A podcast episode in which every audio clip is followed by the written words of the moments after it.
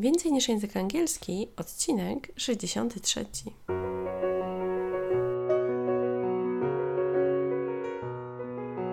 Witaj, nazywam się Ewa Ostarek i jestem trenerem języka angielskiego.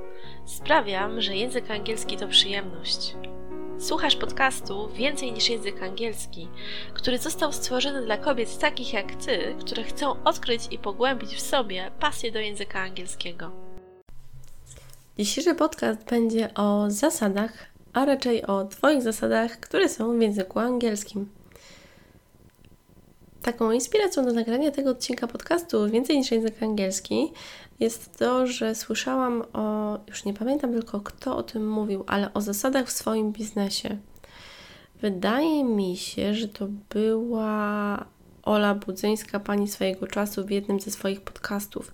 I ona opowiadała o tym, jakie zasady ma w swoim biznesie, że jej biznes wygląda tak, a nie inaczej. I potem pomyślałam, że przecież to jest bardzo dobra inspiracja do tego, aby pomyśleć o Twoich zasadach w języku angielskim, czyli o zasadach, które będą Ci towarzyszyły w Twoim uczeniu i poznawaniu języka angielskiego.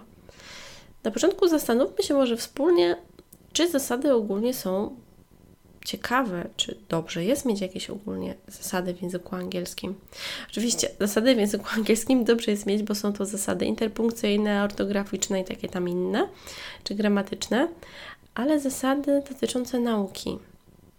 Ja lubię mówić, że to są takie drobne kroczki i to, co jest bardzo ciekawe, rzeczywiście teraz z Tobą podzielę, to to, że gdy no, lata, lata temu zaczynałam mówić, że właśnie te małe kroczki językowe to nie wiedziałam, że to jest już cała taka metodologia Kaizen.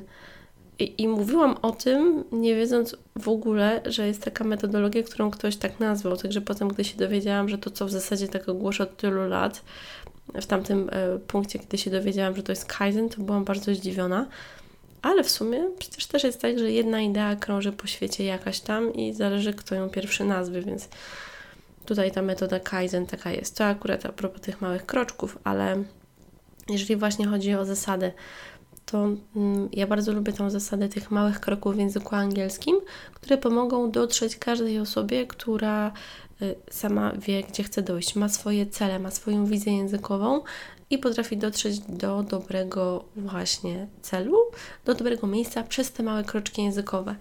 I w tym może pomóc językowy Habit Tracker, do którego zachęcam. Jeżeli chcesz, możesz go pobrać wchodząc na moją stronę ewaustarek.pl y, za zapis na newsletter albo po prostu możesz też zrobić to, do czego Cię zachęcam, to swoje własne małe zasady w Twoim biznesie. Chciałam powiedzieć w Twoim biznesie. No jeżeli masz biznes, to oczywiście też, tak jak to zrobiła Ola Budzyńska, ale w Twoim języku angielskim. Ja sobie zrobiłam takie zasady dotyczące pewnych aspektów mojego życia i przyznam, że na początku byłam tak do tego nastawiona dosyć sceptycznie, no bo po co jakieś zasady, przecież ja wiem jak żyję, tak wiem co robię ale jednak zapisanie tego na papier przekazanie tego w jakiś taki sposób to nie jest zawsze takie oczywiste.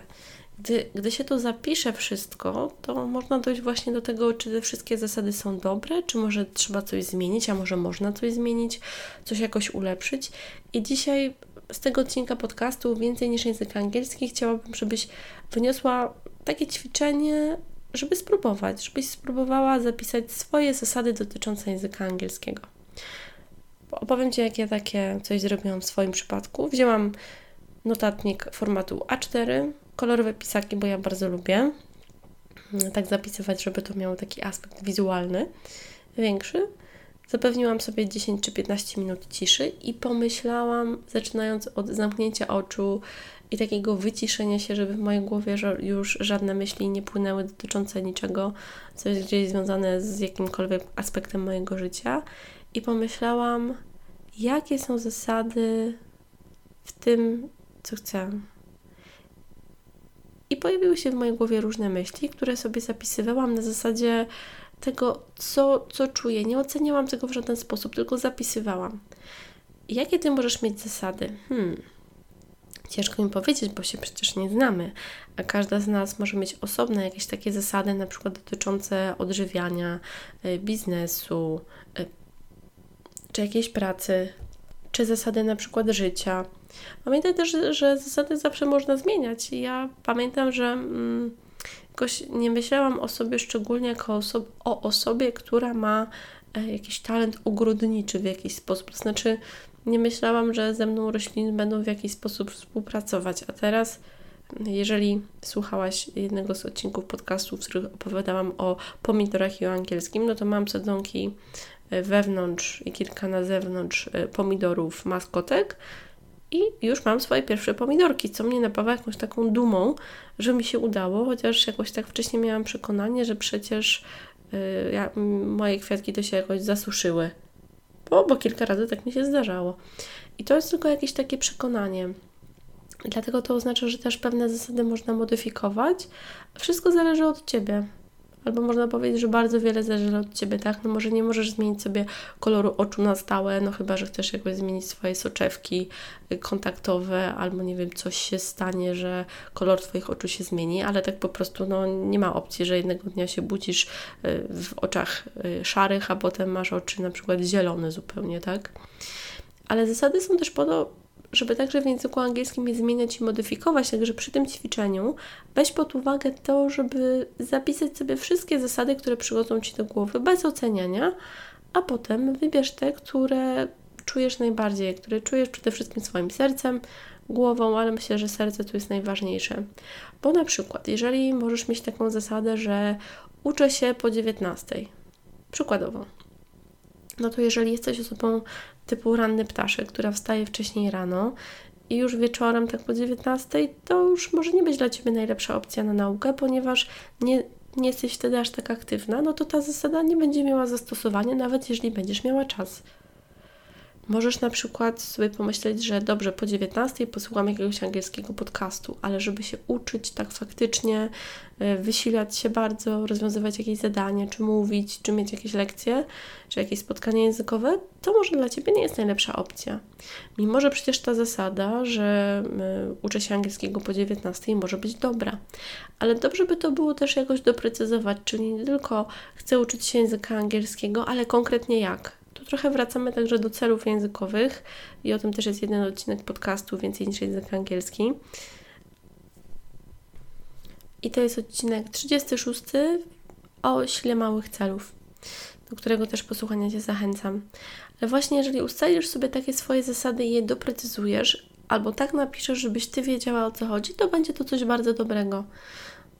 I tu nie zawsze chodzi tylko o to, żeby wziąć pod uwagę kolejne jakieś aktywności, czyli na przykład słucham podcastu po 19, albo rozwiązuję jedno zadanie gramatyczne z mojej ulubionej książki codziennie, albo opowiadam sobie na głos jakieś ciekawe scenki zasłyszane na przykład w autobusie.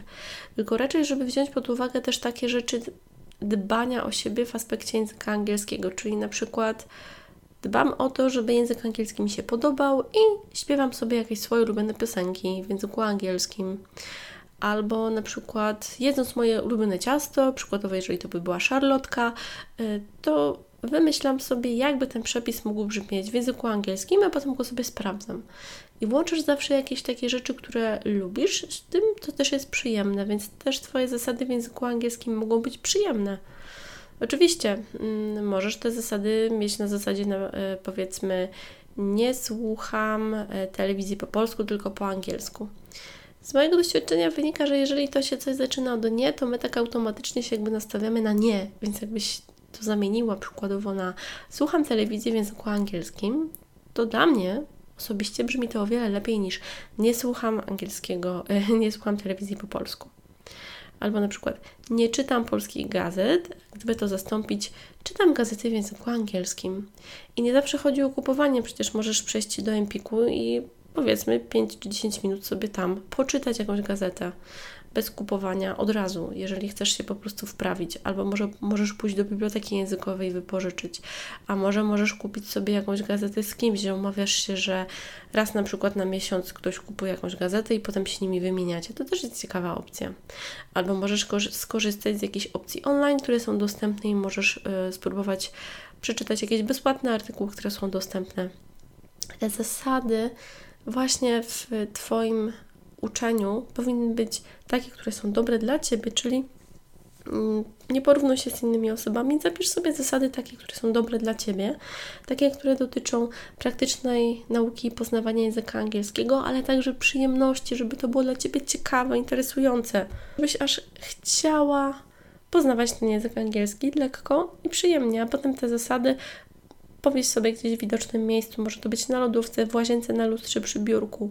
Może być to tapeta na Twoim telefonie, ekran, blokady czy jakiegoś wygaszania w telefonie, tak żeby y, to było z Tobą. Może być to też na laptopie, jako jakaś lista albo jako tapeta to, żeby to towarzyszyło Tobie, żeby te Twoje zasady w języku angielskim towarzyszyły Ci na bieżąco i żeby były przyjemne. I to tyle, jako taka krótka inspiracja, która była związana z także innym aspektem, w sumie trochę biznesowym, ale myślę, że zawsze wiele rzeczy można przekuć na język angielski. No to co? Do dzieła? Kartka papieru, notatnik jakiś i zapraszam Cię do działania. Dziękuję za dzisiaj i do usłyszenia niebawem. Trzymaj się ciepło. Cześć!